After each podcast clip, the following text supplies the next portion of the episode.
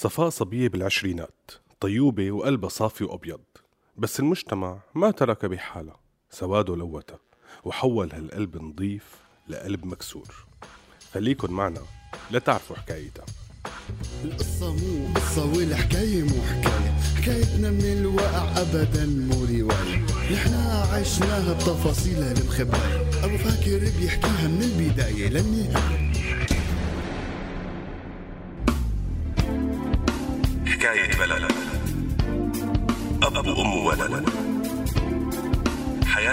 جديدة بدها تنولد حكاية سوريا الروح قبل الجسد. الروح قبل الجسد. هلا مع حكواتي السورياني عاها راديو السورياني. خليكم معنا. ربيت صفاء مع أمها ببيت ستة وكان عايش معهم خالة يلي أصغر من أمها بشي عشر سنين. جدها كان متوفي وأبوها وأمها منفصلين عن بعضهم من وقت ما كانت صفاء صغيرة. حاولت أمها تربيها من صغرها على القيم والأخلاق وتزرع فيها إنها لازم تكون قوية وقد حالها وما تخلي شي يضعفها أو يوقف بوشها. تشجعها دائما إنه لازم تكمل تعليمها ويكون عندها هدف وطموح وتسعى لتحقيقه. بس هالكلام ما كان عم يجيب كتير نتيجة لأنه هالطفلة كيف بدها تكون قوية وهي شايفة أمها ضعيفة ببيت أهلها؟ وهي عم تلاحظ كيف خالها يلي أصغر من أمها بكتير عم يتحكم بكل شي ويتدخل بتفاصيل حياة أخته بدون ما حدا يوقف بوشه أو يقول له ما بصير. كانت متذكرة حالها تماما كيف ترجع من مدرستها يوم الخميس وهي شايفة رفقاتها متحمسين إنه بكرة عطلة كل واحد بده يعمل مشوار مع أهله لمكان ما. كانت تطلب من أمها تاخدها على السوق على جنينة لأي محل. تقول لها اما ما بقدر بدنا نستنى ليرجع خالك واخد إذنه. ولما يرجع مرة يسمح وعشرة لا بدون سبب بس كانت تسمعهم عم يحكوا وتسمعه هو عم يقلها. انت مطلقة شو بدك الناس يحكوا علينا؟ كان كتير يحس بنفسها كيف كانوا رفقاتها بالمدرسة دائما يعملوا جمعات يعزموا الكل على حفلات عياد ميلادهم بس هي ما كان مسموح إلها تروح. خالة كان عم يثبت رجوليته بالسيطرة على أخته وبنتها. مرة شفق عليها وقال لها رح أسمح لك تعملي حفلة عيد ميلادك بالبيت وتعزمي رفقاتك. طار عقلها ما صدقت. عزمت كل بنات الصف بس للأسف ما إجا منهم غير ثلاثة. أما الباقي فكل وحدة منهم قدمت اعتذار شكل وكانت خيبة أمل كبيرة لصفاء.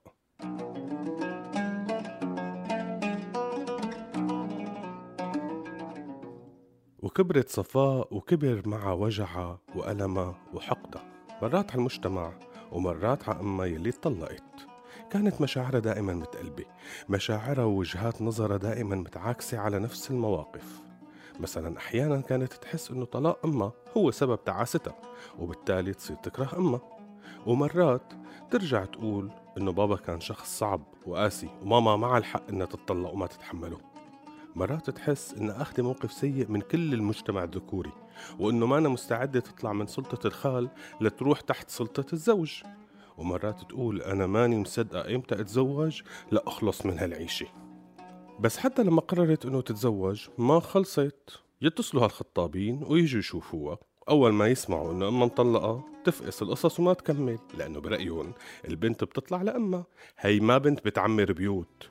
وكل ما له الضغط يزيد على صفاء وأمها المجتمع من طرف وخالة وستها من طرف. طلعي فيي ولو مرة من عيونك انتي انسي حكي الناس حكيون بس حيخلي عيونك تبكي. يمكن حتلاقي صور مزينة البسمة أو حتلاقي شموع. دابت قهر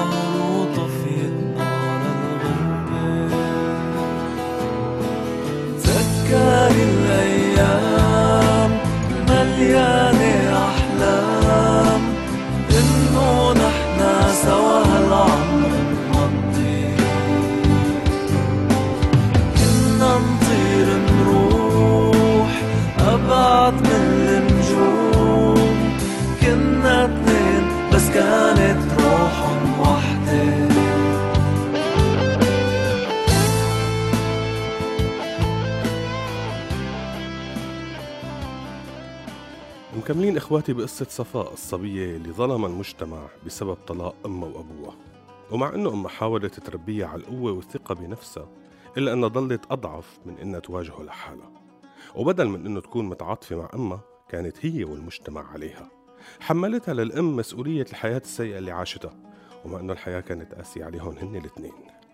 دخلت صفاء على الجامعة ودرست علم اجتماع وبالسنة الثالثة بلشت تشوف جانب حلو من الحياة. عرفت الحب ودق قلبها. الشاب اللي حبته بادى لنفس المشاعر وكان هو المبادر. احتارت تخبره بطلاق أهلها لما تخبي الموضوع. ترددت كتير وخافت. خافت ما يضل يحبها أو يبعد عنها إذا عرف. بس بنفس الوقت خافت إذا ما قالت له وتعلق فيها أكتر يقوم يتركها وتتوجع أكتر. مالكن بطول السيرة هالشاب عرف من صفاء بموضوع طلاق أمه وأبوها وما أثر الموضوع عليه أبدا تعامل معه بطبيعية وهون طار عقله لصفاء. بس طبعا لما خبر أهله عملوا طوشة وقصة طويلة عريضة ليش لا تاخد بنت أمها مطلقة؟ بكرة بتعذبك بحياتك واللازم منه. لكن هو ضل مصر على مواقفه وقدر يقنع أهله يتجاوزوا الموضوع. صفاء من شدة فرحتها بالشاب وخوفها من إنه ما يكمل معها لأي سبب ما عادت شافت سلبياته ما عاد لاحظت صعوبة طباعه عصبيته عناده صارت تحاول تتصرف مثل ما هو بحب حتى لو هي ما بتحب هيك. تلبس مثل ما بده تاكل اللي بحبه تتبنى آراءه تقرأ كتبه تشجع فريقه توقف دائما بصفه وتشوف كل الأمور من وجهة نظره. لحد ما شوي شوي بلشت شخصيتها تنمحى وتدوب بشخصيته. أما حذرتها كتير وخافت عليها لأنه كانت شايفة هذا الشي وشايفة لوين ممكن يوصل. بس صفاء ما كانت عم تقبل أي نصيحة. كانت حاسة إنه هذا هو المنفذ تبعها. ما أنا مستعدة تسمع أي كلمة ممكن تأثر على علاقتها فيه خاصة من أمها. لحد ما بيوم من الأيام قالت لها للأم أنا لو رح موت ما رح أرضى أتطلق. حتى ما تعيش بنتي الشي اللي عشته أنا. كانت جملة طالعة من قلب مكسور لقلب مكسور ومقهور أكتر. جملة قاسية وبتجرح. بس مع هيك الأم ما زعلت منه. زعلت على حالها. خافت على مصير بنتها يلي كانت تتمنى تشوفها أقوى بنت. بس هي هلأ عم تشوفها عكس هيك تماماً.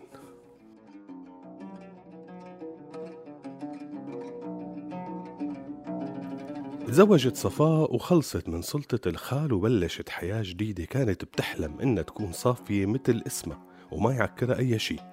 بس هالحلم بلش يتحول لكابوس شوي شوي. بعد كم شهر بلشت المشاكل بيناتهم تكبر وبلشت صفاء تحس إنه هي فعلا عم تنمحى من الوجود إنه هي تحولت لروبوت بين إيدين جوزها بده يحركها كيف ما بده وإمتى ما بده. تذكرت إن هي اللي فتحت له المجال وسمحت له من أيام الخطبة يتحكم فيها بهالطريقة بس ما توقعت توصل مواصيل لهون. كانت متوقعة إنه بس يصيروا ببيت واحد حتقدر تلاقي حل وسط نقطة تلاقي بين طباعه وطباعها شهر ورا شهر بلشت المشاكل تكتر وتأثر على الحب اللي بيناتهم بلشت تكرهه وتكره حياتها معه. قاموا نصحوها إنه تجيب بيبي بركي بيتحسن الوضع. خاصة إنه هو كمان جاي عباله يصير أب وعم ينق على هذا الموضوع. لبت له رغبته. ولدت وجابت بنوتي. بس للأسف الوضع ما تحسن. بلشت تجاهد وتقول ما بدي أتطلق. لحد ما بيوم من الأيام مد إيده عليها قدام بنتها. وقال لها بدي ربيكي لأنه أمك ما عرفت تربيكي. إيه طبعا إذا هيك تربايتها فطبيعي إنها تتطلق. هون صفاء ما بقى تقبل ولا تتحمل. القصة وصلت لإهانة كرامتها. تربية أمها إنها تكون قد حالها كانت مغروسة فيها ولو ما كانت مبينة بس هلأ بلشت تطلع. رغم خوفها من إنه تنظلم من المجتمع مثل أمها وخوفها من إنه بنتها بالمستقبل تلومها مثل ما هي لامت أمها إلا إنها قررت على الطلاق. لانها تاكدت تماما إنه إذا بقيت عم تربي بنتها بهالعيلة رح تخسر أكثر بكتير. وتم الانفصال ورجعت القصة تعيد حالها من البداية. برأيكم إخواتي مين الغلطان؟ استودعناكم. يمكن لو في بيني وبينك حكي كنا حكينا يمكن لو